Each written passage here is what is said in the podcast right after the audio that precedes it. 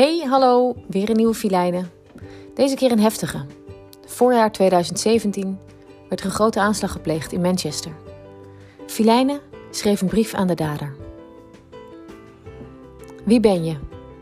Wanneer ben je geboren en hoe keek je moeder naar je toen je voor het eerst haar hand vastgreep?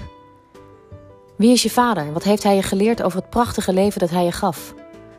Wie zijn je broers en waar staan jullie voor? Waarom durfde je niet te leven? En waarom nam je zoveel mensen met je mee? Wat waren toch je angsten? Was je bang dat de wereld te mooi zou worden? Was je bang dat te veel mensen van hun leven zouden genieten?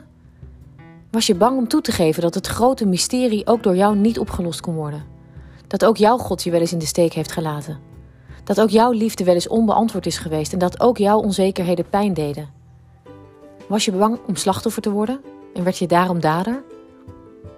Je leven is voorbij en dat van 22 anderen ook. Was dat het waard? Is er in jouw hemel ruimte voor reflectie? En zo ja, ben je dan nu tevreden met wat je hebt bereikt? Ben je trots op het leven dat je hebt geleefd? Wordt de wereld die je achterliet nu beter, mooier, zachter? Ja. Ik kan met volle overtuiging zeggen dat de wereld inderdaad nu beter, mooier en zachter wordt. Misschien anders dan jij voor ogen had, maar jouw daad heeft liefde gebracht.